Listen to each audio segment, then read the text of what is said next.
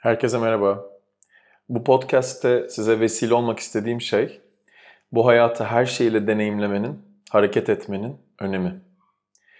Senelerdir global olarak dünyanın en çok izlenen televizyon programlarından Kim Milyoner Olmak istere katılma fırsatı çıkınca millet ne düşünür diye düşünsem de yine de bunu yapmanın önemi.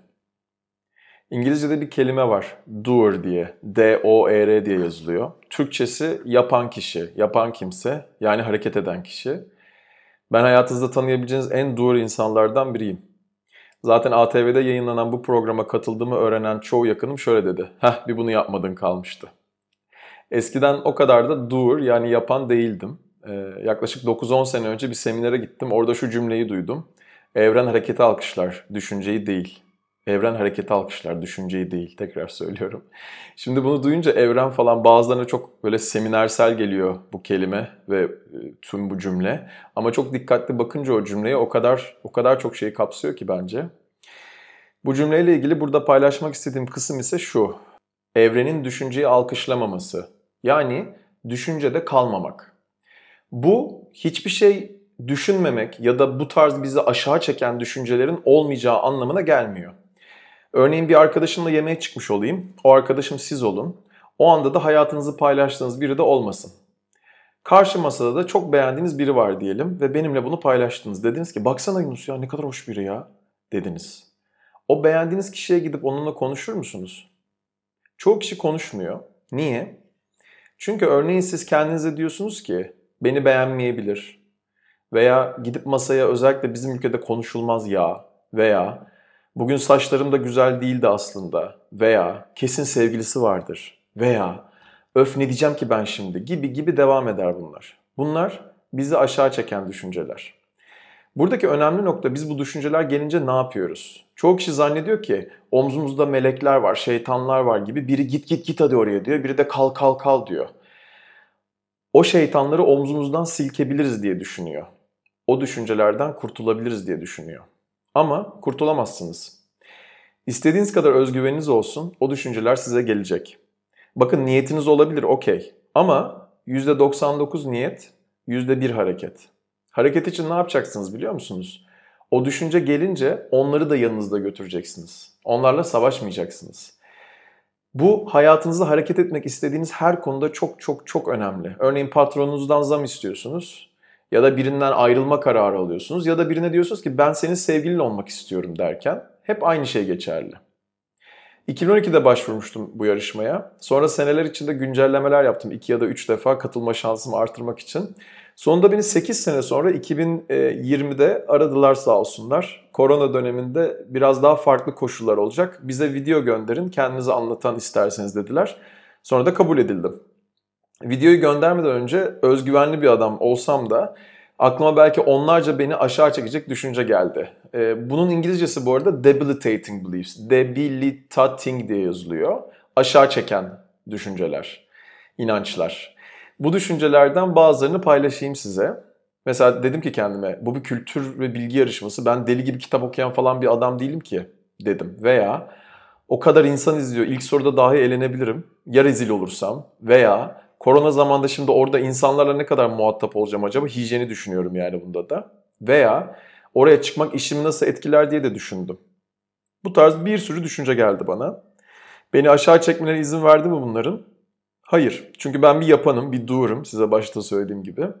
Aptalca ve mantıksız şeyler deneyimlemekten de bahsetmiyorum doer derken. Mantık çerçevesinde yapan olmak, önüme gelen fırsatları değerlendirmek demek bu benim için. Hayal kırıklığına bakış açımızı değiştirmek aslında bir yandan da. İnsanlar çoğu zaman niye yapmıyorlar? Örneğin özellikle bizim toplumda güven neden bu kadar az? Neden çoğu kişi güveni en yukarıdan %100 ile başlatmıyor? Çünkü hayal kırıklığına uğramaktan korkuyoruz birçoğumuz. O düşünceler geldi. Gelseler de ben onları yanıma aldım ve yarışmaya onlarla beraber gittim. Sonra da elendiğim sorudan sonra üzüldüm dedim. Ee, ama üzüntüm kısa sürdü. Eve dönerken arabama bindiğimde derin bir nefes aldım. Fikirlerine güvendiğim değerli insanları aradım. Özellikle birinin sözü beni çok etkiledi. Üzüldün mü diye sordu. Evet dedim üzgünüm bayağı. Sonra bana dedi ki o zaman şu an geçmiştesin. Bir podcast yapmışım daha önce. Bu 15.5. podcast olacak. 10.5'uncuyu dinlemek isterseniz Spotify'da veya YouTube'da Şimdi de kalmakla ilgili bir podcast yapmıştım. Orada uzun uzun anlattığım şeyi kendime yapıyordum yine. Geçmişe takılı kalmıştım. Bunu duyunca o arkadaşımdan e, Mehmet ve Aydoğan özellikle bana çok destek oldular. Mehmet'ten duydum bunu. Hemen orada ruh halim değişmeye başladı. Tabii ki 125 bin, 250 bin kazanabileceğim bir yarışmada 5. soruda elenmek hayal kırıklığı. Gerçekten acıdı ama acının içinden geçtim ve hızlı geçtim. Niye? Çünkü bütün duygular geçicidir. Ve aslında acıyınca ne kadar acıyacağını da kendimiz karar veriyoruz bu şekilde. Eminim bu tarz yarışmalar sonrası elendikten sonra günlerce haftalarca kendisine gelemeyen insanlar vardır. Geçmişe takılı insanlar. Ne kadar çok yapıyoruz hayatımızda bunu kendimize bir düşünsenize. Bazen insan acıdan, üzüntüden de besleniyor ama. Peki hep derim, e, iyi duygular geçiciyken kendimize bunu hatırlatmasak ve onlarda olabildiğince kalsak bu iyi duygularda. Ama kötü duygular gelince de bütün duygular geçicidir kendimize söylesek. Keyfimiz, pozitifliğimiz, neşemiz çok daha fazla olmaz mı?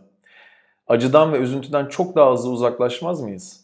Hayatımızdaki en büyük belirsizlik olan ölüm durumlarında bile. Çünkü ölen kişi de eminim bizim çok uzun süre acıda kalmamızı istemezdi. Kaybettim, evet kazanamadım bu yarışmada ama uzun süredir kaybetme hissini yaşamadan tak diye böyle bir şey olması bana bütün duygular geçicidir cümlesini tekrar hatırlattı. Beşinci sor- soruydu sanırım elendiğim soru. Programı izlemeden bu podcast'i çekiyorum şu anda. E, izledikten hemen sonra yayınlanacak. E, ve beşinci soru e, benim için e, ilk sorulardan biri yani ilk birkaç sorudan biri aslında. Hiç düşünmemiştim ilk sorularda elenirsem ne olur diye. O ihtimali bilinç altında biliyordum tabii bir yerde ama hiç düşünmedim bile. Kendimi o düşünceden uzaklaştırmak için de değil. İyisini düşününce iyisinin olacağına olan inancımdan. Ve öyle de oldu aslında. Yarışmadan bir gün sonra uyandığımda yarışmanın bana neler kattığını uzun uzun yazdım. Ve program yayınlan işte şimdi yayınlandıktan sonra size söylediğim gibi hemen bir podcast'ta paylaşıyorum bunu. Kaybederken neler kazandığımı sizlerle paylaşmak istedim. Ben çok analitik, detaycı bir adam değildim ama zamanla kendimi buna geliştirdim. Örneğin yarışmaya katıldığım sabah 6.30'da, sabah 6.30'da kalktığımda telefonumda şu notlar vardı. Tıraş, kıyafetler, yemek, nüfus cüzdanı, bir yantin, küçük su gibi bir şey, süper tahmin kitabı, şarj aleti, kulaklıklar, ıslak mendil. Tıraş oldum çünkü televizyonda olacağım için özenmek istedim. Kıyafetler önemli konu tabii. Oldukça yedekli gidiyorsunuz oraya ve kıyafeti onlar seçiyorlar. E- ekranda sorun yaratmayacak olan kıyafetlere onlar karar veriyorlar. Yanıma yemek aldım. E, koronada yeterince hijyen olmazsa götürdüklerimi yerim diye. Nüfus cüzdansız almıyorlardı. Saçım için tabii bir yantin, aldım. Çok sevdiğim bir süper tahmin, super forecasting diye bir kitap var. E, doğru tahminleri hayatımızda artırmak için değerli bir kitap bence. Televizyona çıkmadan bekleme çok olur diye aldım onu yanıma. Sonra çok okumadım ama olsun. E, ıslak mendil gerekirse tuvalet için aldım. Ve telefon için gereken işte şarj aletlerini aldım. Bir tanesini bile unutmayayım dedim ki enerjim her zaman yüksek olsun. Bunlara takılmayayım sonra diye. Bir de yarışmada Joker sorumu kullanmadan baş, baştan e, risk aldığım için elendim. Ama size e, bu telefon jokerlerime attığım mesajı da okumak istiyorum. Bunlar gerçekten enteresan kafalar benim için.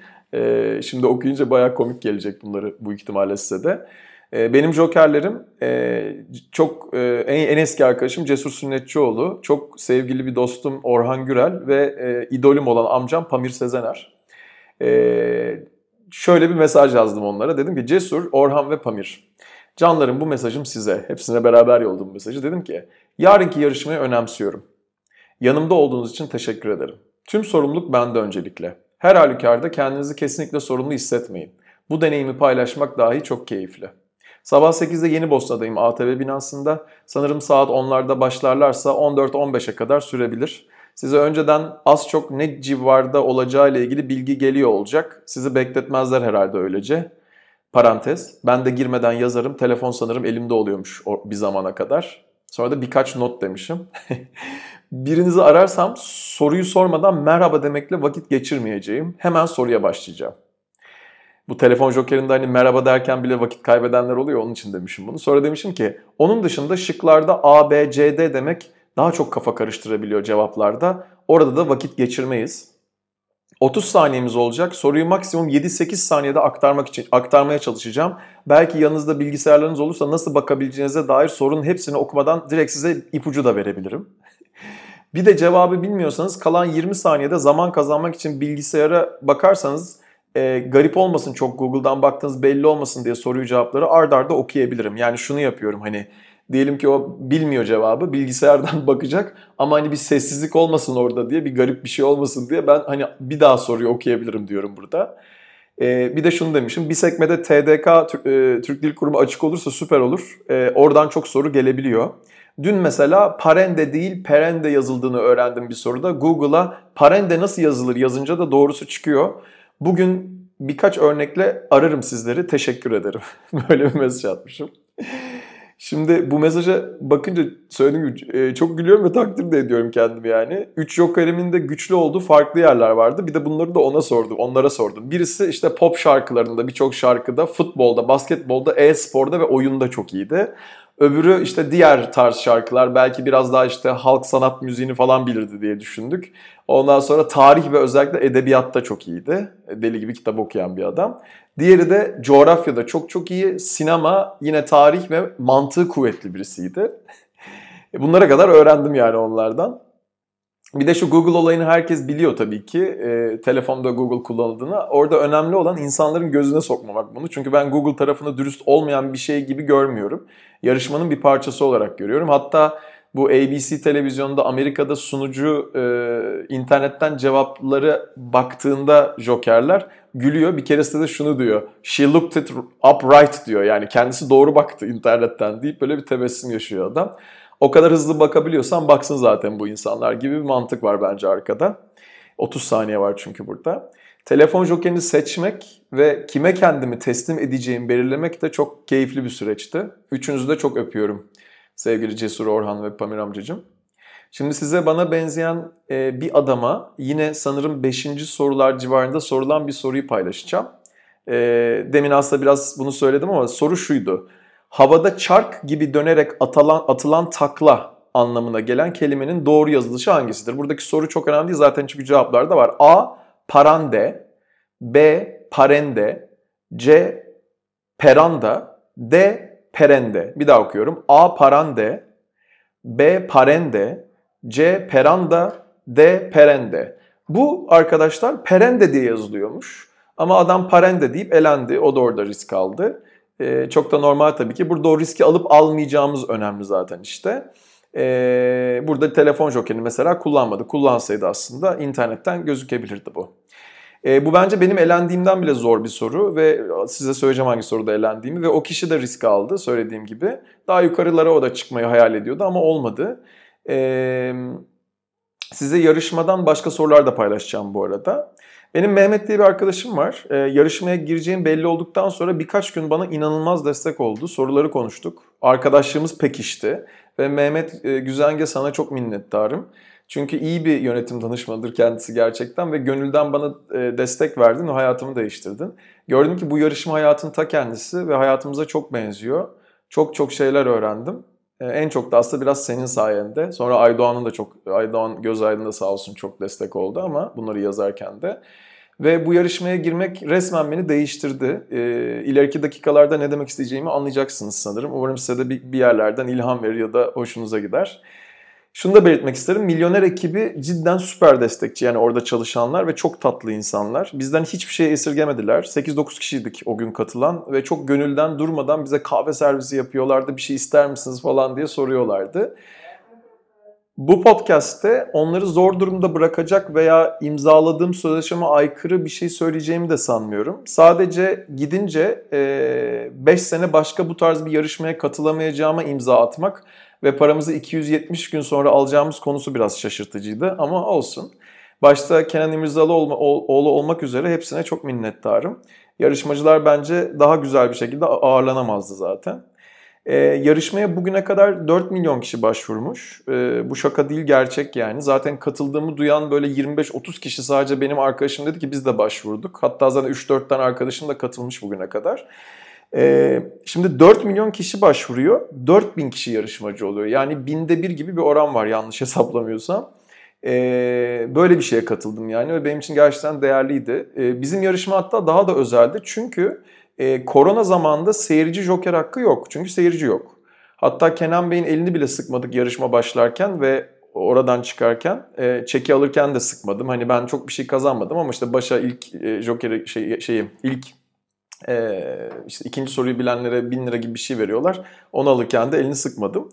E, seyirci jokeri yerine yakın zaman önce 1 milyonu kazanan Arda Ayten diye bir adam var. Onu uzman jokeri yapmışlar ve tek başına seyirci jokeri gibi onun desteğini kullanabiliyoruz. Şimdi Arda'yı Joker olarak kullanacak muhtemelen 50-60 kişiyiz bu arada. Çünkü korona zamanında. E, şimdi bayramda falan da duracaktı bir süre sonra çekimler. Yani 4000 kişinin de böyle özel bir durumu olan bir ekibin içindeydim ben. Bu da özeldi bence değişikti.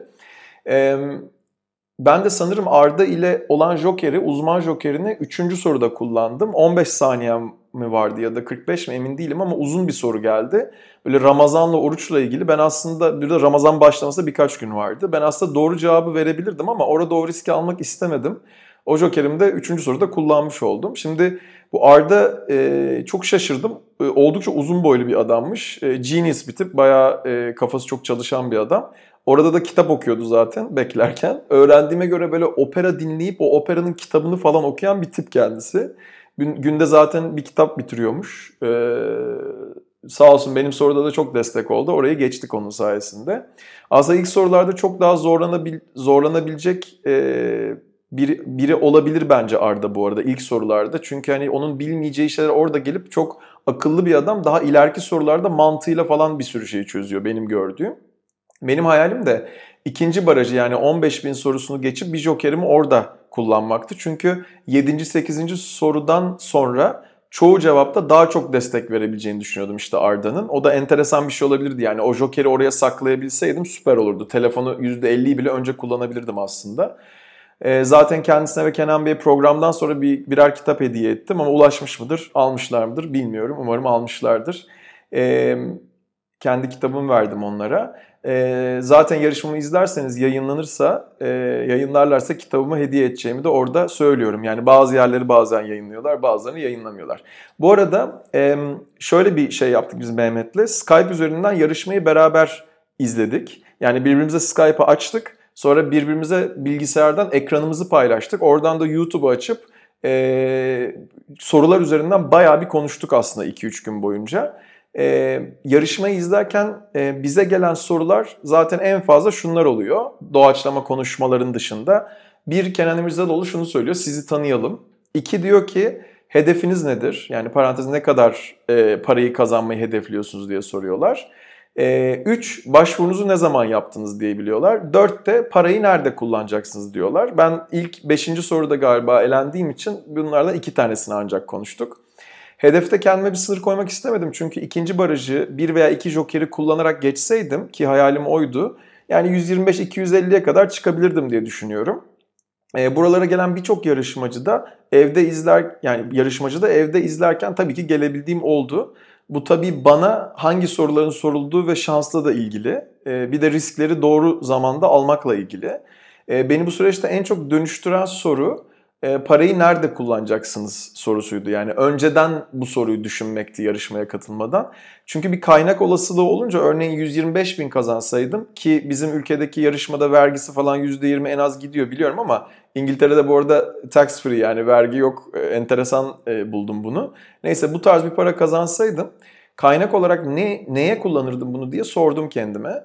Önce hiç yapmadığım bir seyahat veya seneler önce çok fazla yaptığımız arkadaşlarımla sosyal sorumluluk projeleri geldi.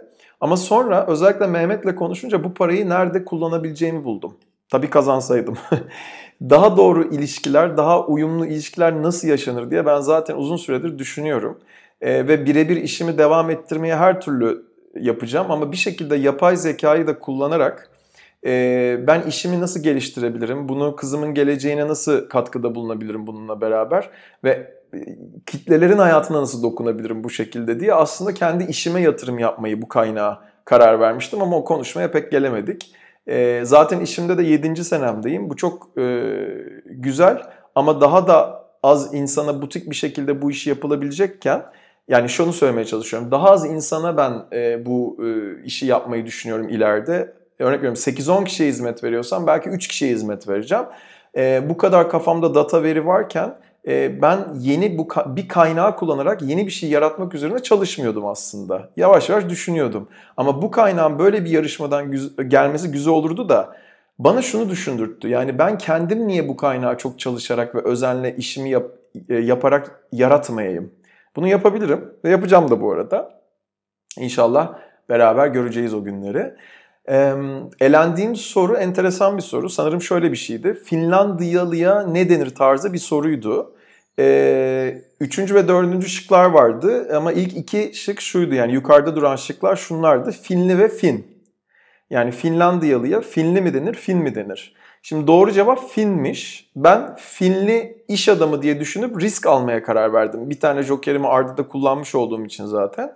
Ee, aslında burada %50 de kullanılabilirdi ama risk alırsam çok daha yukarı çıkabileceğimi biliyordum ve risk aldım. Sonra da elendim. Ee, sonra da şey dedim hatta üzüldüm dedim ama çok kısa bir an dedim bunu. Enteresan bir andı. Hatta Finli deyince Kenan İmirzalıoğlu'nun suratı düştü 3 saniye kadar. Zaten orada anlamıştım ben. Yani o 3 saniye beklerken doğru mu yanlış mı cevap diye onun suratında görmüştüm bunun yanlış olduğunu. Bence Kenan Bey'le sevdik birbirimizi. Gerçekten özel bir adam. Feyz aldığım birisi. Ee, insanı o koca cüssesine rağmen rahatlatan bir tarafı olduğunu düşünüyorum bu adamın. Ee, yarışmada da ona söyledim zaten ama orayı da yayınlarlar mı bilmiyorum. Bana dedi ki Fin hamamı vardır ya dedi. Ben de Finli iş adamını düşündüm demedim artık. Teşekkür ettim ve ayrıldım. Sonra internete bakınca enteresan bir şey gördüm. Çağrı Yalgın diye bir adam onlar Finli değil Fin diye bir kitap yazmış. Hatta bir yerde şunu da okudum. Ankara Finlandiya Büyükelçiliğinde dahi iletişimler e, Finli olarak kuruluyormuş. E, en azından eskiden böyleymiş. Şimdi hala böyle mi bilmiyorum. Şimdi bu benim o sorudaki yanlışımı justify ediyor mu? Yani güzel bir gerekçe mi? Hayır. Ancak e, ben yine de riski bu soruda aldığım için memnunum. Bir jokerimi zaten kullanmıştım. E, %50-50 vardı, telefon vardı. E, ikinci barajımı e, geçersem bir de çarpı 2 diye bir joker hakkı vardı. Yani bir soruya 4'te 1 değil de 4'te 2 cevap verebiliyoruz. E, ben Mehmet ile konuştuğumuzda son 2-3 gün bir strateji belirledik. Yani ben bayağı stratejiyle gittim bu yarışmaya. Çoğu kişinin yapmadığı gibi. E, ve bunu yaptığım için çok mutluyum. Yani stratejimde kaldığım için o riski orada aldığım için sonradan düşündüm çok mutluyum. Ya stratejimi orada gerçekten gerçekleştirdim. Çünkü ola da bilirdi. Öyle olsaydı ben jokerlerimi çok daha sonra da kullanabilirdim ve çok daha yukarıda çıkabilirdim. Bana sordu Mehmet dedi ki baştan mı alacaksın riski baraj ikinci baraj sorusundan sonra mı alacaksın ve biz e, baştan risk almaya karar vermiştik. Ben vermiştim yani. E, zaten hani öyle yapmasaydım maksimum 15-30 bin lira alırdım baştan jokerlerimi kullansam ama ben yarışmaya bunun için gitmemiştim açıkçası. Tabii şimdi dönüp bakınca bilgi ve kültür yarışması benim yarışmam mı onu da bilmiyorum. Ama her sorunun 1 bölü 4 ihtimali olduğu için de enteresan şeyler de olabilecek bir yarışma bence bir yandan da. Ee, benim yakınlarım bilir. Mesela bu Survivor olsaydı bu yarışma eminim ben 10 tane yarışmaya girsem en az 8-9'unu kazanabilecek mindset var bende yani kafa yapısı var. Hatta arkadaşlarım seneler önce hatta jokerlerinden bir tanesi yaptı bunu. Ee, Yunus Sezener Survivor'a katılsın diye bir Facebook grubu açmışlardı. Yani ben istediğim kadar plan yapayım. Ee, John Lennon ne demiş? Hayat sen planlar yaparken başına gelenlerdir. Bu tarz bir yarışmada milyon kazanmam zaten pek olası e, değil bence. E, çünkü bu benim yarışmam değil aslında. Bu yarışma Arda'nın yarışması. İşin gerçeği bu. E, gerçeklikle baktığımda ben bunu görüyorum. Tabii olaya milyon kazanmak olarak bakarsak. Şimdi ben kendime sordum benim en kuvvetli yanım ne diye. Benim yani bu yarışmaya girerken en kuvvetli yanım deneyim. Deneyim, deneyim adamıyım ben yani. Slumdog Milyoner filmini birçoğunuz izlemişsinizdir. Hintli bir çocuk var. Bütün soruları filmde biliyor ve çocuğu hatta yarışmanın ortasında e, bütün bu soruları nasıl biliyorsun diye dövüyorlar. E, evet bu bir kurgu ve film ama çok iyi hazırlanmış bir senaryoydu bence. E, ben de o filmdeki gibi kendi hikayemi görmek istedim aslında. Acaba ben ne görürüm ve insanlara ne gösterebilirim dedim. Bu podcast da böyle çıktı. Bu yarışmanın bana kattığı diğer çok önemli şey de şuydu. Uzun senelerdir denk geldikçe izliyordum ve bir soru geldiğinde sadece cevap veriyordum ben bu yarışmaya. Yani televizyonda izliyordum ben bu yarışmayı. 2-3 gün boyunca bütün yarışmaları bayağı bir izleyince mantıklı düşünmek nedir? Ee, soruların doğru yanıtlarının hayat gibi aslında cevaplarda çoğu zaman saklı olduğunu gördüm. Riski nerede alacağız gibi gibi birçok konuda tecrübe oldu bu yarışma bana. Bir de tabii soruları dikkatli okumak da çok önemliydi. Hatta bunu yayınlarlar mı yine bilmiyorum ama Kenan İmirzalıoğlu, Kenan İmirzalıoğlu'nun bile dikkatini çekti bu. Ben mesela birinci, ikinci soru çok kolay sorular olsa da e, genelde öyle oluyor. Cevap böyle hızlıca vermedim. Artistik yapmadım yani. Yapabilirdim ama. E, şuna benziyor bu yani hani bir e-postayı okursunuz mesela işteyken gönder, gönder butonuna basıp gönderebilirsiniz. Ama e, dikkatli okuyup tekrar gönder butonunda eliniz dururken ondan sonra da göndere bastığınızda aslında orada bir hata bulabilirsiniz ya bazen. Onun riskini almadım yani ve çok da güzel gitti. Bunu bundan sonra hep yapacağım bu arada. Size çok sevdiğim bir sorunun daha örneğini vermek istiyorum. Ee, soru şu. Şimdi siz de düşünün lütfen. Portekiz'deki tarihi Mafra Milli Saray Kütüphanesi'ndeki eski kitapları yiyen böcekleri avlaması için kütüphanede hangisinin bir türü bulundurulur? Uzun bir soru bir daha okuyorum. Bu arada cevapları okuyayım sonra bir daha soruyu okuyayım. Ee, yarasa, kurbağa, kertenkele ve örümcek. Portekiz'deki tarihi Mafra Milli Saray Kütüphanesi'ndeki eski kitapları yiyen böcekleri avlaması için kütüphanede hangisinin bir türü bulundurulur? Yarasa, kurbağa, kertenkele, örümcek. Şimdi bu soru zaman kısıtı olan bir soru değil ikinci baraj sorusundan sonra. Mantık yürütmeye çok güzel bir örnek olabilir bence. Acaba yarasa mı düşündünüz, kurbağa mı, kertenkele mi, örümcek mi bilmiyorum ama mesela ben bu soruyu büyük ihtimalle full risk alıp doğru cevaplardım. Ee, tabii orada ne olurdu bilmiyorum ama bayağı bir düşündüm bunu. Şimdi şunu düşündüm, bu mantık yürütmek mantık yürütmeye gelmek dediğime çok güzel bir örnek. Yani eskiden bakardım herhalde şudur falan derdim. Ama şimdi şunlara bakıyorum. Birincisi şimdi şeyi düşündüm ben ilk bu soru gelince. İşte bu bir kütüphane, okey Milli Saray Kütüphanesi. Portekiz'de tarihi, tarihi diyor bir kere. Eski kitapları yiyen diyor böcekler. Onları avlaması için hangi hayvanın bir türü bulundurulur? Şimdi şöyle düşündüm. Örümcek, baktım böyle örümcek. Yani örümceği veya aslında kurbağayı falan nasıl salabilirler buraya? Kertenkele olursa yani nasıl salarlar dedim insanların olduğu yerde nasıl salarlar ve nasıl toplarlar aslında tekrar? Şimdi e, kertenkeleyi düşündüm. Yusufçuk falan olabilir mi diye kimseyi rahatsız etmeyecek bir şey. Hani belki kütüphanenin girişine şunu yazarlar işte burada şu e, kertenkele vardır kimseye dokunmaz falan diye. O da bir seçenekti tabii ki. Ama benim için en önemli mantık burada şuydu. Şimdi bu bir kütüphane, kitaplar var. E, ve bu kitaplar yukarı doğru böyle muhtemelen şeylerde duruyor. Yani başka türlü kütüphane görmedim ben hayatımda. Hani raflarda duruyor bu kitaplar. E demek ki kurbağa ne yapacak? Raflara tırmanıp dönecek bir yerlere mi gidecek? Ya da kurbağaları bırakacaklar da işte e, ne bileyim hani e, bir şekilde yani kurbağaları bırakacaklar da hani e, toplayacaklar sayıyla mı falan hani çok olacağını zannetmiyorum dedim. Çünkü zaten kurbağa da böyle sinek yiyor da bütün o böcekleri falan yer mi onu da bilmiyorum. Başka mesele o da. Ama onun kurbağa değildir. Bu dedim bir kere kurbağayı eledim. Onun dışında örümcek hani kesinlikle böyle nereden çıkacağı belli olmayan bir şey. Şimdi buraya insanlar kitap okumaya geliyor. Bu kütüphane kitap almaya geliyor. Bir yerlerden örümcek çıkması zaten onu kapıya assan da bunu yani olabilecek bir şey değil. Bu başka bir mantıktı.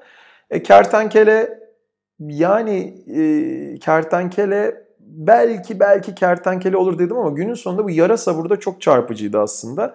Yarasanın da en çarpıcı olmasının sebebi belki sizin de aklınıza gelmiştir bu. Hani sonuçta akşamları yarasalar iniyordur, o böcekleri yiyordur. Sabah açıyorlardır ışıkları. Yarasalar yukarıda bir yerde takılıyordur. Yani en mantıklısı o. Kertenkele de aslında insanları çok ciddi rahatsız edebilecek bir şey olduğu için yarasa derdim ben ve doğru cevap yarasa çıkardı. Başka bir soruya girelim. Bu da güzel bir soru. Amerika Birleşik Devletleri'nde bir sanat galerisinde Maurizio Cattelan tarafından duvara bantlanan hangi meyveler 120 bin ile 150 bin dolar arasında değişen fiyatlara satılmıştır? Muz, ananas, üzüm, çilek. Bir daha okuyorum. ABD'deki bir sanat galerisinde Maurizio Cattelan tarafından duvara bantlanan hangi meyveler 120 bin ile 150 bin dolar arasında değişen fiyatlara satılmıştır? Muz, ananas, üzüm, çilek. Şimdi ben bunu gördüğümde mesela örnek veriyorum bu tam bir 30 ya da 60 bin sorusu tam hatırlamıyorum ama oralarda olması gerekiyor diye düşünüyorum. Ee, ama hani şey değil bu 7500 sorusu olduğunu zannetmiyorum bunun. Öyle hatırlıyorum daha doğrusu. Şimdi ben bunu biliyordum. Muz bunun cevabı. Bunu çünkü görmüştüm ben böyle siyah bantla yapılan muzlar falan. Ee, şimdi üzüm ve çilek olması çok zor zaten bunun. Çünkü çilek ne olur hemen orada pörsür bir bantlanacak, bantlanabilecek bir şey değil. Zaten bozulur. Üzüm desen orada zaten o da çok ciddi bozulur. Bunlar olmaması çok yüksek ihtimal. Ananas desem bantla onu oraya sabit sabitlemek çok kolay olmayabilir. O da bir ihtimal. Ama hani muz çok ön plana çıkıyor. Ee, ilk sizin aklınıza ne geldi bilmiyorum ama bu sorunun cevabı da muz. Şimdi başka bir tane soruya gireyim. Eskiden dişleri siyaha boyamanın sağlık ve güzellik sembolü olduğu yer neresidir? Bulgaristan, Japonya, Cezayir, Norveç. Eskiden dişleri siyah boyamanın sağlık ve güzellik sembolü olduğu yer neresidir? Bulgaristan, Japonya, Cezayir, Norveç. Şimdi ben e, burada mesela çarpı 2 olsaydı ben de muhtemelen bu soruyu yanlış cevaplayacaktım. E, ben çünkü ilk düşündüğümde böyle bir şekilde bana Norveç gibi geldi. Bu hani böyle orada savaşçılar var, eski işte bir yerlerini boyuyorlar, mutlaka dişlerini de boyamışlardır falan dedim. Bulgaristan ve Norveç'i ben ikili bir jokerim olsa işaretlerdim. Bu da çünkü ikinci baraj sorusundan sonraydı yanlış hatırlamıyorsam. Çünkü Bulgaristan'da şey geldi aklıma. Hep böyle hani orada e, metal dişlere belki siyah dişlere de önem veriyorlar bir şekilde falan gibi bir mantık yürüttüm. Cezayir olmayacağını tahmin ederdim. Çünkü Cezayir Fransa e, şey Fransa şeyi geçmişi olan bir ülke sonuçta ve orada hani böyle hani siyah zaten hani şey yani orada bir genelde e, işte siyahi insanlar için beyaz dişin önemli olduğunu ve onu öyle göstermenin önemli olacağını tahmin edip Cezayir'i elerdim büyük ihtimalle. E, ama Japonya'ymış bunun cevabı enteresan bir şekilde ve oradaki kadınlarmış. Kadınlar bunu böyle yapıyormuş. Sonra internette gördüm. Bu mesela hani e, güzel bir telefon jokeri sorusu olabilir ama bunu bilmeyen bilmez mesela. E, bir tane de milyonluk sorudan bir örnek vereyim size. E, zaten 3 tane bir milyonluk soru çıktı bugüne kadar Türkiye'de. Ben onlardan bir tanesini paylaşayım size. Ve bu milyonluk soruda doğru cevabı bilse de genç arkadaşım e, şey yaptı, çekildi. E, söyleseydin ne söylerdin dediklerinde de doğru cevabı verdi ve sonra biraz üzüldü tabii ama 250 bin lirayı aldı sonuçta. Soru şu, Kur'an-ı Kerim'de hangisi üzerine yemin edilmemiştir? Deniz, güneş, arı, kalem. Enteresan bir soru bu tabii. Çünkü e, yani deniz ve güneş olma ihtimali çok yüksek tabii ki ama cevap onlar da olabilir. Ee, ama diyelim ki yani 250 bininiz var, hiç jokeriniz yok. Tabii orada sizin kim olduğunuza da bağlı bir şey burada yani. Hani bunun sorunu, sorun cevabını bilmiyorsanız oradaki baskıyı bir düşünün. Yani ben herhalde cevaplardım bu soruyu. Ben de doğru cevabı verirdim büyük ihtimalle. E, o da milyonu kazanmadı, çekildi ama e, doğru cevapladı söylediğim gibi. Mantık da şuydu benim için. Hani deniz ve güneş zaten olma ihtimali çok yüksek. Burada arı ve kalem kalıyor aslında geriye. Ben dörtte bir şansımı milyon için bu soruda mesela kullanırdım diyorum. Mehmet'le bunu konuştuk uzun uzun. Ee, kalem enteresan tabii. Hani kalem üzerine yemin edilmiş midir? Kalem üzerine yemin edilmiş olabilir. Çünkü Kur'an-ı Kerim'de işte kalemle yazılıyor diye düşünürdüm. Ee, arı konusu çok enteresan. Bazı dinlerde arıya tapıldığını sanki bir yerde okuduğumu hatırlıyorum derdim ben.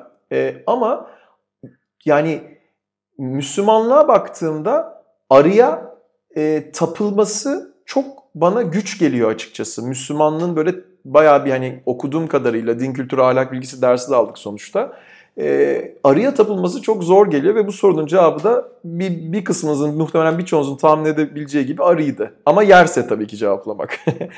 Şimdi e, yarışmada en kuvvetli olacağımı düşündüğüm ve Mehmet ile çalışırken aslında pek konuşmadığımız tek konu şuydu. İlk sorularda zaman kısıtı. İlk 15'er saniyeler, sonra 45'er saniyeler, e, golü oradan yedim. Hiç tahmin etmiyordum. E, çünkü benim en kuvvetli olacağımı düşündüğüm yerde söylediğim gibi.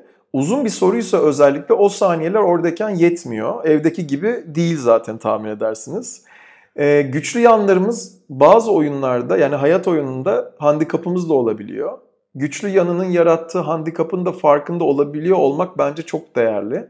E, yani güzel bir kadınsan veya yakışıklı bir adamsan sana avantaj sağlayabilir örneğin e, bu hayatta ama bu güzelliğin ve yakışıklılığın hayatta bir handikapı da var.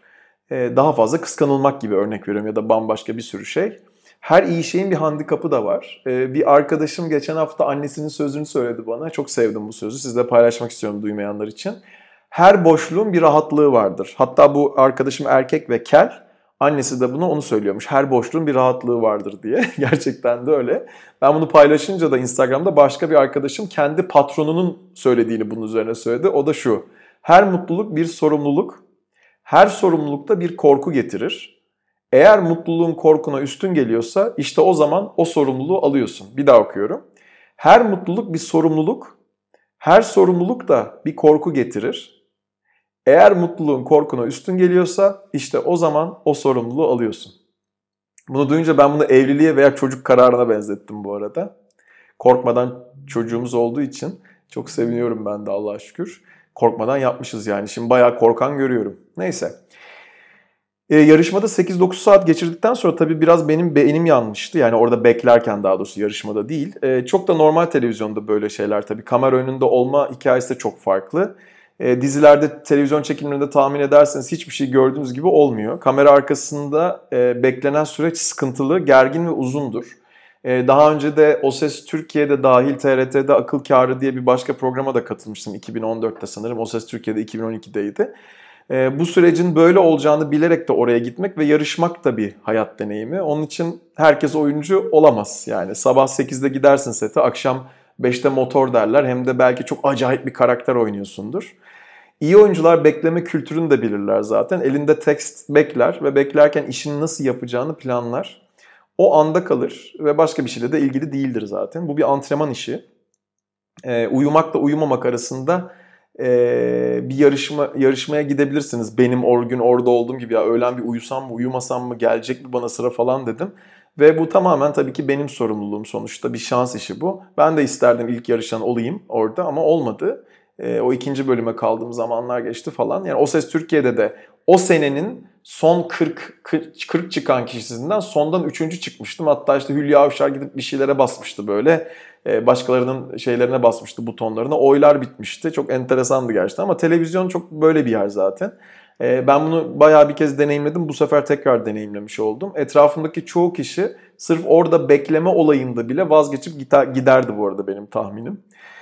Şimdi spotların altında olmak başka bir şey. Yani birçoğumuz spotların altında olmamak için birçok deneyimden geri kalıyoruz. Ama bu da deneyim işi. Bu sadece televizyon kamerayla ilgili değil. Yani iki sunum yapsan kariyerinde basamak atlayacaksın. Onu bile yapmayan bin dereden su getiren insan var.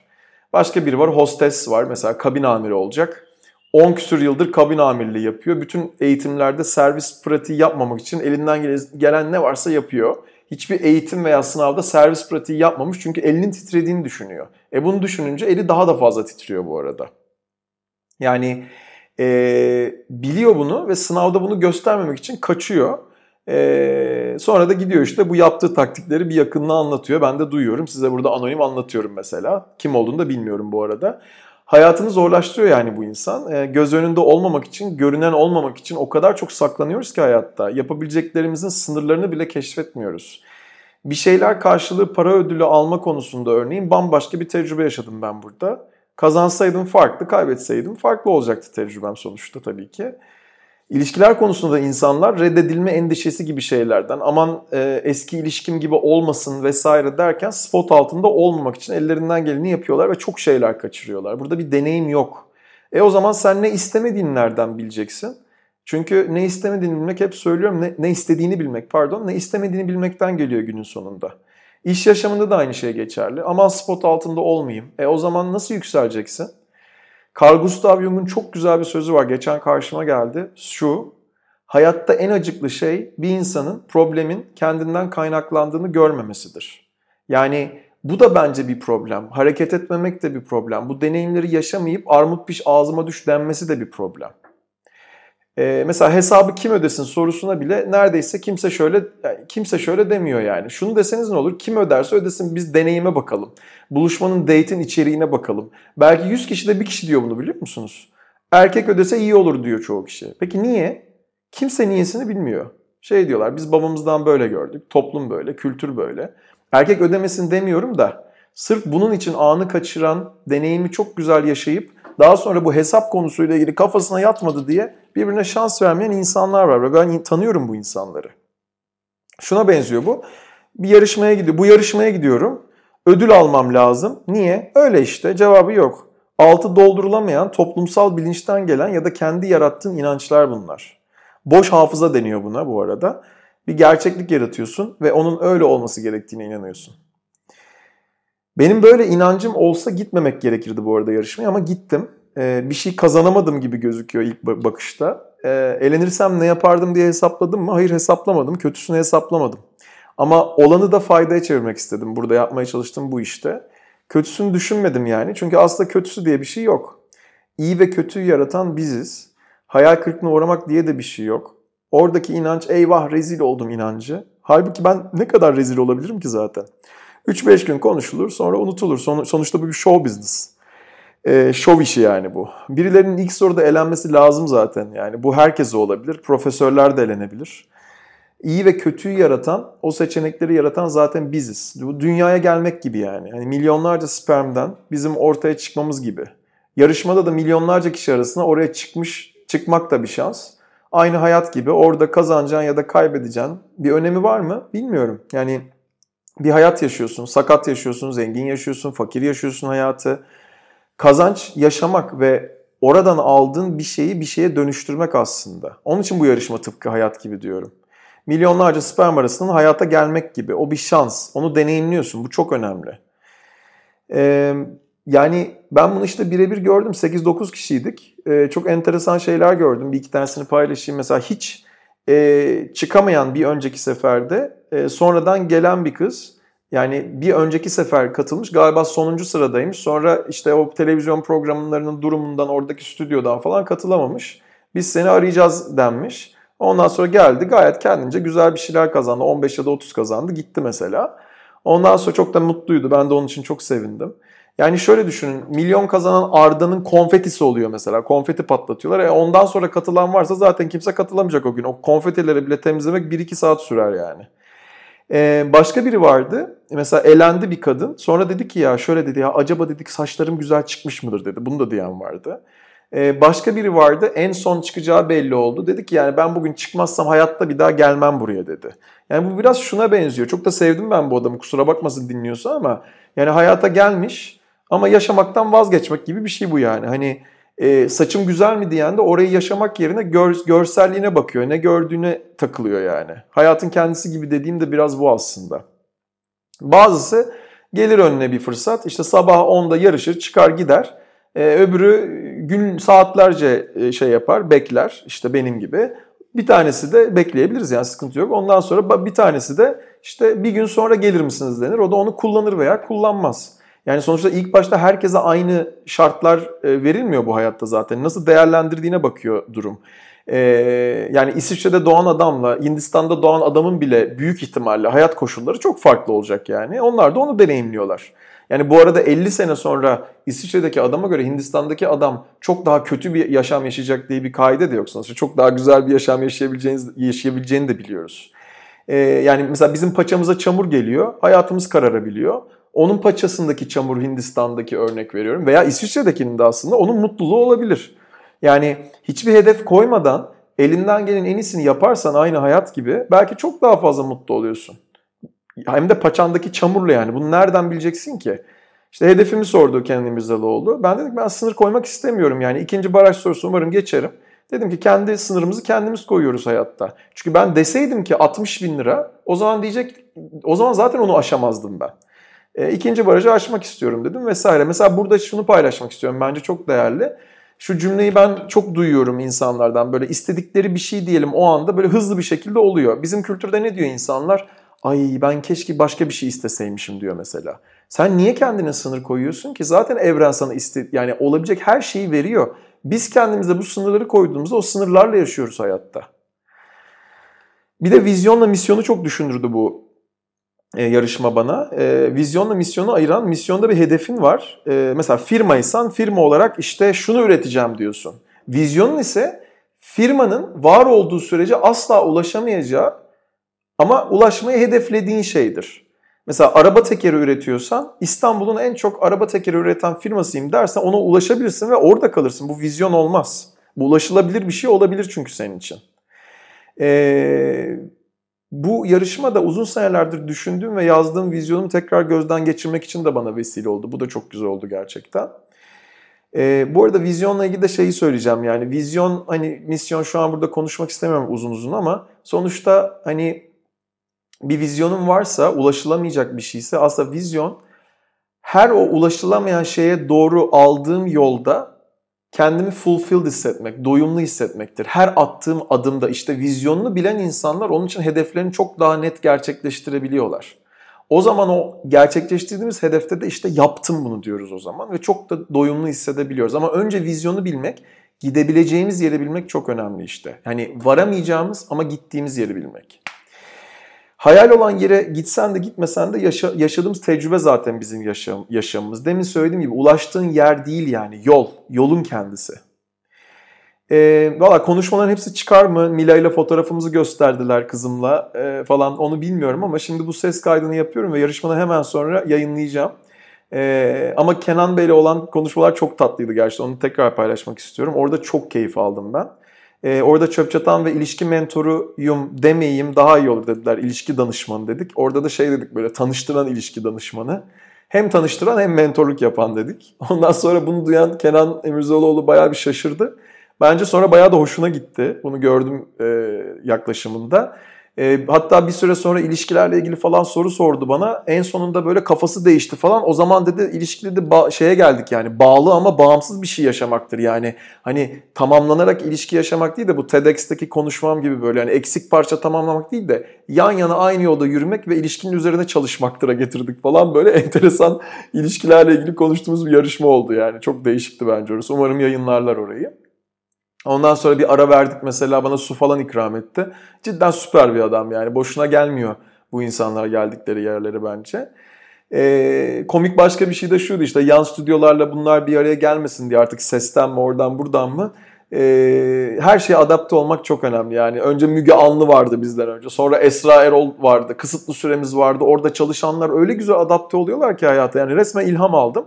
Özellikle sabah ilk gittiğimizde oraya yapılan konuşmalarda yapımcımızdı sanırım bir erkek geldi. Tam bir hikaye anlatacağı adam. Böyle adam konuştu resmen gözlerim doldu yani şu tarz şeyler söyledi. Korona zamanlarında bu zor zamanlarda biz bir şekilde hayatın devam edebileceğini düşünüyoruz. Televizyon programları dahi işte birçok yerde her şey bitmiş durmuş durumda ama biz devam ediyoruz. Siz de bunun bir parçasısınız dedi özetle.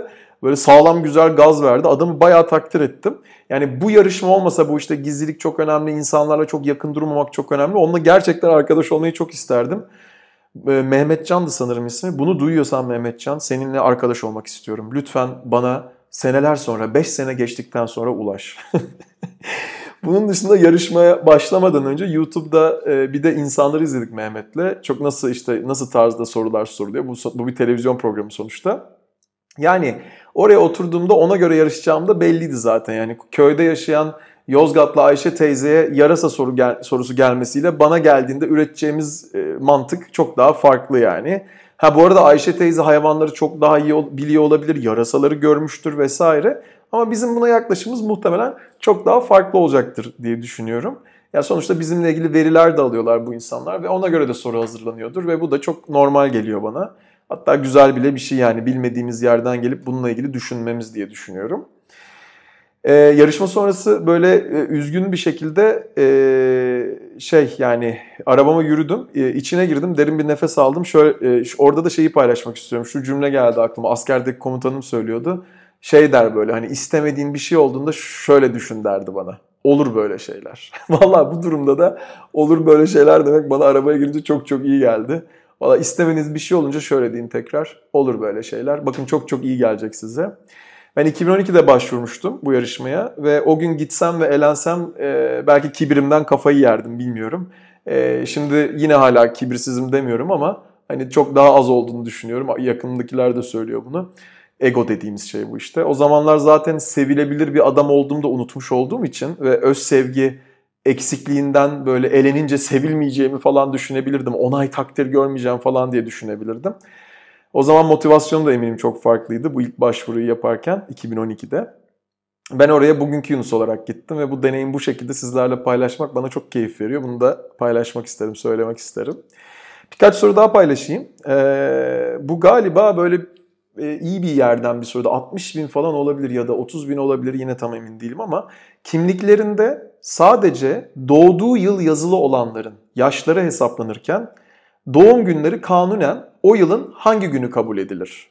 1 Ocak, 1 Mart, 1 Temmuz, 1 Aralık. Yani soru şu, doğduğu yıl belli birisinin ama hangi gün olduğu bilinmiyor. Yıl yazıyor ama gün bilinmiyor. O zaman hangi gün yazılır? Bunu soruyor aslında. Cevapları tekrar okuyorum. 1 Ocak, 1 Mart, 1 Temmuz, 1 Aralık. Çoğunuz benim gibi 1 Ocağı düşündünüz değil mi? Ama e, bunun cevabı enteresan bir şekilde 1 Temmuz'muş. Böyle sene ortasına yakın bir şeye getiriyorlarmış bunu. E, ben de hep eskiden 1 Ocak'ta falan diye hatırlıyorum. Orada bir e, yığılmalar falan hatırlıyorum. İnsanların bir sürüsünün 1 Ocak'ta doğduğunu hatırlıyorum ya da öyle hatırlamak istiyorum ama cevabı 1 Temmuz'muş.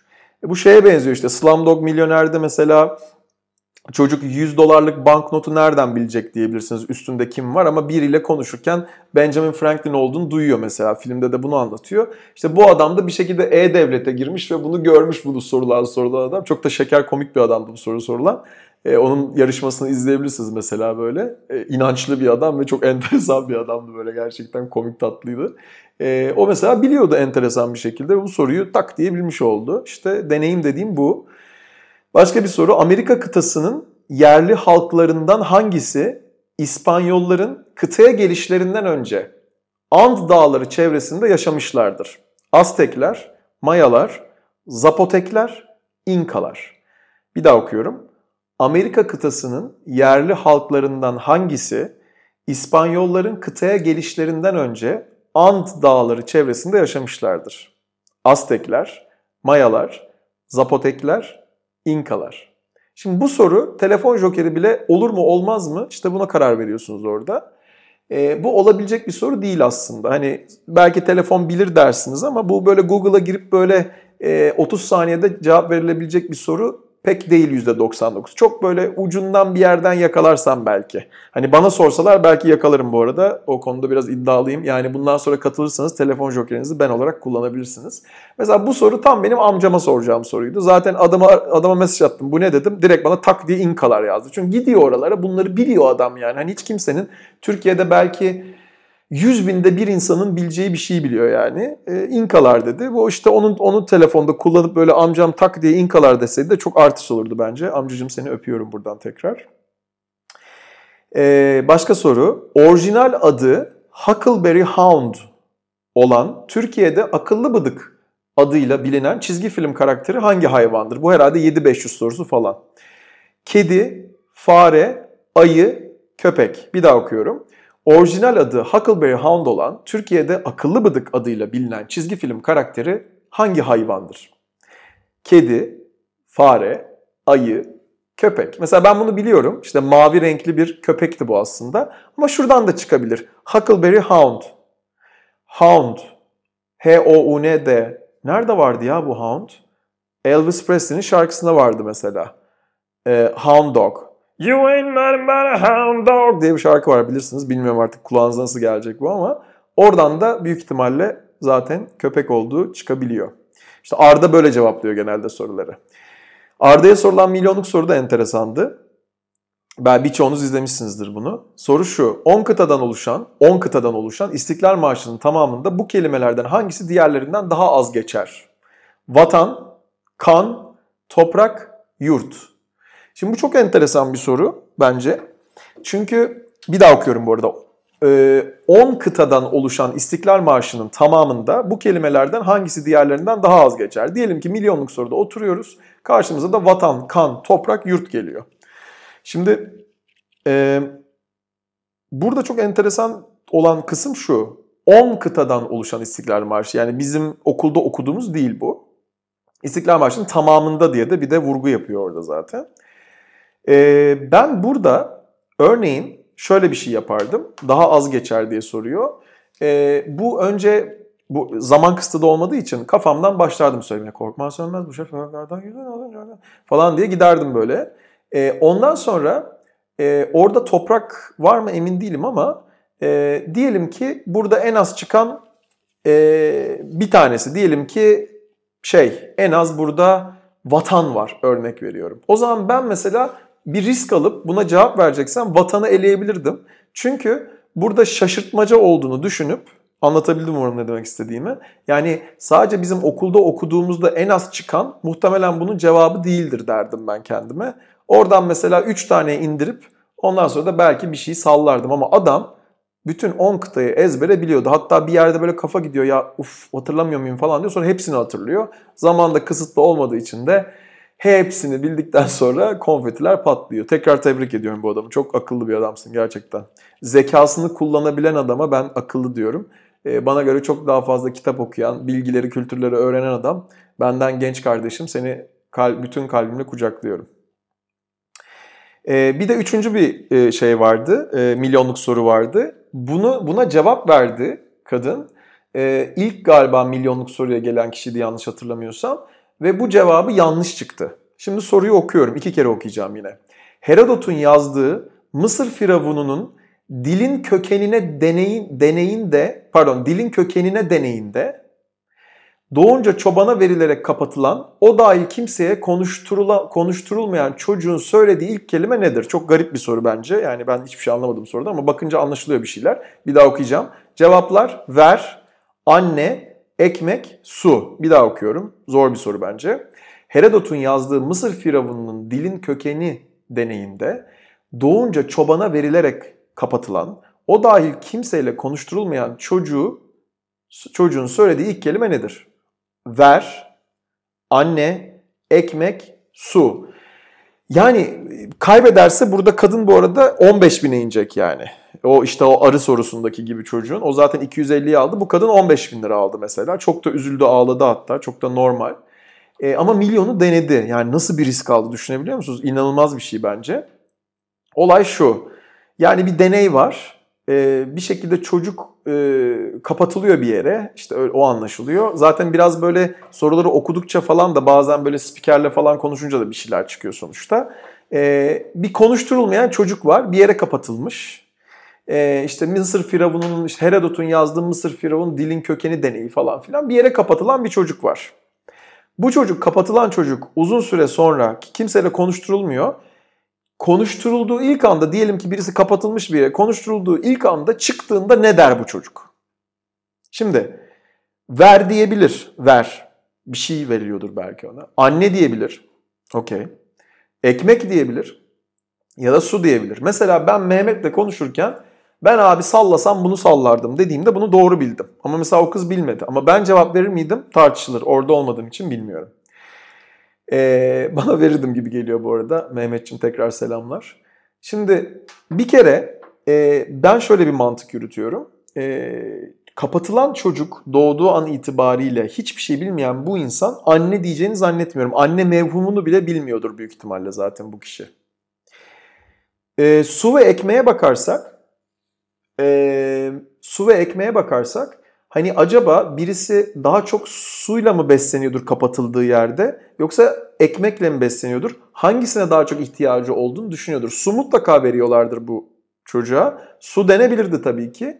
Ama ben nedense böyle aklıma ekmeğe gitti. Ben ekmek dedim. Doğru cevap ekmek. Ama yanlış cevabı veren kadın ver dedi. Çünkü onu da düşündüm. Ver tabii ki hani çıktığı anda bir şey verilebilir vesaire ama benim mantığımda mesela ya biri çıktığı anda bu işte zaten çok tricky yani çok e, şaşırtmaca bir cevap bence yani A şıkkı ver. Yani şunu ver bana diyeceğini zannetmiyorum bir insanın o kadar kapatıldıktan sonra diye bir mantık yürütürdüm. Ben mesela suyla ekmek arası da ekmek derdim. Valla bu riski alabilirdim diye düşündüm. Ama orada alır mıydım tekrar bilmiyorum tabii. Ee, bu tarz soruların ve dört şıkkın hayatımıza neler kattığını çok şaşırdım. Dört şık olmasını. Yani Katılmasam muhtemelen bu düşüncelerin yanından bile geçmeyecektim zaten. Çok özel bir deneyimdi size söylediğim gibi. Ee, bir de bir soru daha ekleyeyim. Ee, diğerlerini isterseniz YouTube'dan ekler, e, izlersiniz zaten. Bunun kaçıncı soru olduğunu hatırlamıyorum. 30'luk falan olabilir, 60'lık e, olabilir. Ee, şöyle bir soru. Osmanlı Devleti'nde İmrahor adlı görevliler sarayda hangisinden sorumlulardı? İmrahor. A. Padişahın ahırından. B. Padişahın yemeklerinden. C padişahın giysilerinden, D padişahın fermanlarından. Gördüğünüz gibi A, B, C de demek bir şey yaramıyor. Bir daha okuyorum. Osmanlı Devleti'nde İmrahor adlı görevliler sarayda hangisinden sorumlulardı? Padişahın ahırından, yemeklerinden, giysilerinden veya fermanlarından. Hepsi padişahın diye gidiyor. Ahırından, yemeklerinden, giysilerinden, fermanlarından. Şimdi e, bu tam bir telefon jokeri sorusu bu arada. O joker varsa süper olur tabii ama e, Google söylerdi çünkü. E, yine de çok zor bir soru. Çünkü köfte hor geliyor akla. Ben tam ne demek olduğunu bilmesem de imrahor deyince yemeklerinden tabii ki olabilir gibi düşünürdüm.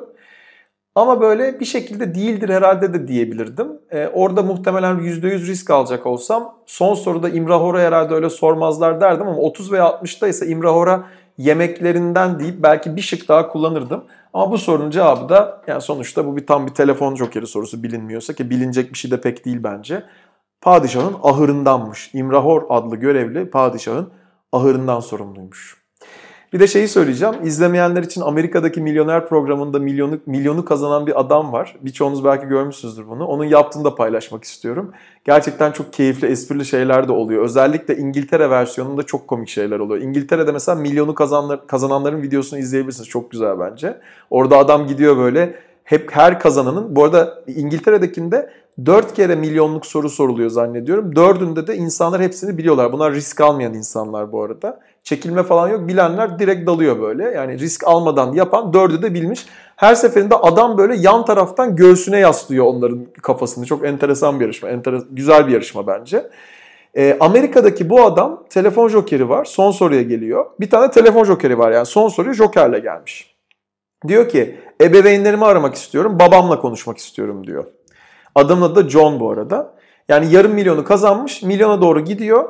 E, spiker de diyor ki işte yardıma ihtiyacı olacak şimdi. Ailesini babasını arıyoruz diyor. Sonra telefon jokeri için arıyor bunları telefon jokeriyle. Merhaba işte diyor işte oğlunuz diyor işte şurada siz cevap vereceksiniz diyor. Gayet sakin falan galiba. Adam şey diyor okey falan diyor. Ondan sonra diyor ki e, adam John diyor ki baba aslında yardımına ihtiyacım yok. Sadece milyon doları kazanacağımı buradan sana söylemek istedim diyor. Hatta son kararında e, daha telefon kapanmadan söylüyor, milyonu kazanıyor, evine fıstık gibi gidiyor. Güzel hikaye değil mi bilmeyenler için? Bu podcast'te e, size vesile olmak istediğim şey ilk anda kaybettiğimi düşündüğüm ama aslında çok şey kazandığım hayatın ta kendisi gibi olan milyoner yarışması ile ilgili deneyimimi anlatmaktı. Lütfen şu cümleyi hatırlayın. Evren hareketi alkışlar, düşünceyi değil. O düşünceler her zaman gelecek ama doer olduğunuzda yani yapınca, niyet ve hareketi bir araya getirince bütün hayat olasılıklarımız artıyor. Hayat rahatlık alanımızın yani konfor alanımızın dışında başlıyor. Risk almazsak hayat çok sıkıcı olmaz mı? Hayal kırıklığına bakış açımızı biraz da olsun değiştiremez miyiz? Kaybettiğimiz bir şey aslında hiçbir zaman yok. Sadece deneyimler var. Hayatta nereye gitmek istediğimizi, doğruları görmek için yapabileceğimiz şey her zaman denemeye devam etmek, farklı hareketler yapmak. İhtiyacımız olan her şey burada, hayatımızda. Bazen bakmıyoruz, bakmayınca da görmüyoruz. Hayatta sıkıştığınız her an kendinize lütfen şu soruyu sorun. Bir çocuk olsa ne yapardı? Bir çocuk olsa ne yapardı? Çünkü çocukların bizim gibi kalıpları yok. Onlar sadece hareket ediyorlar. Onlardan ilham alalım. Harekete devam edelim. Beni dinlediğiniz için çok teşekkür ederim. Sizleri seviyorum. Görüşürüz.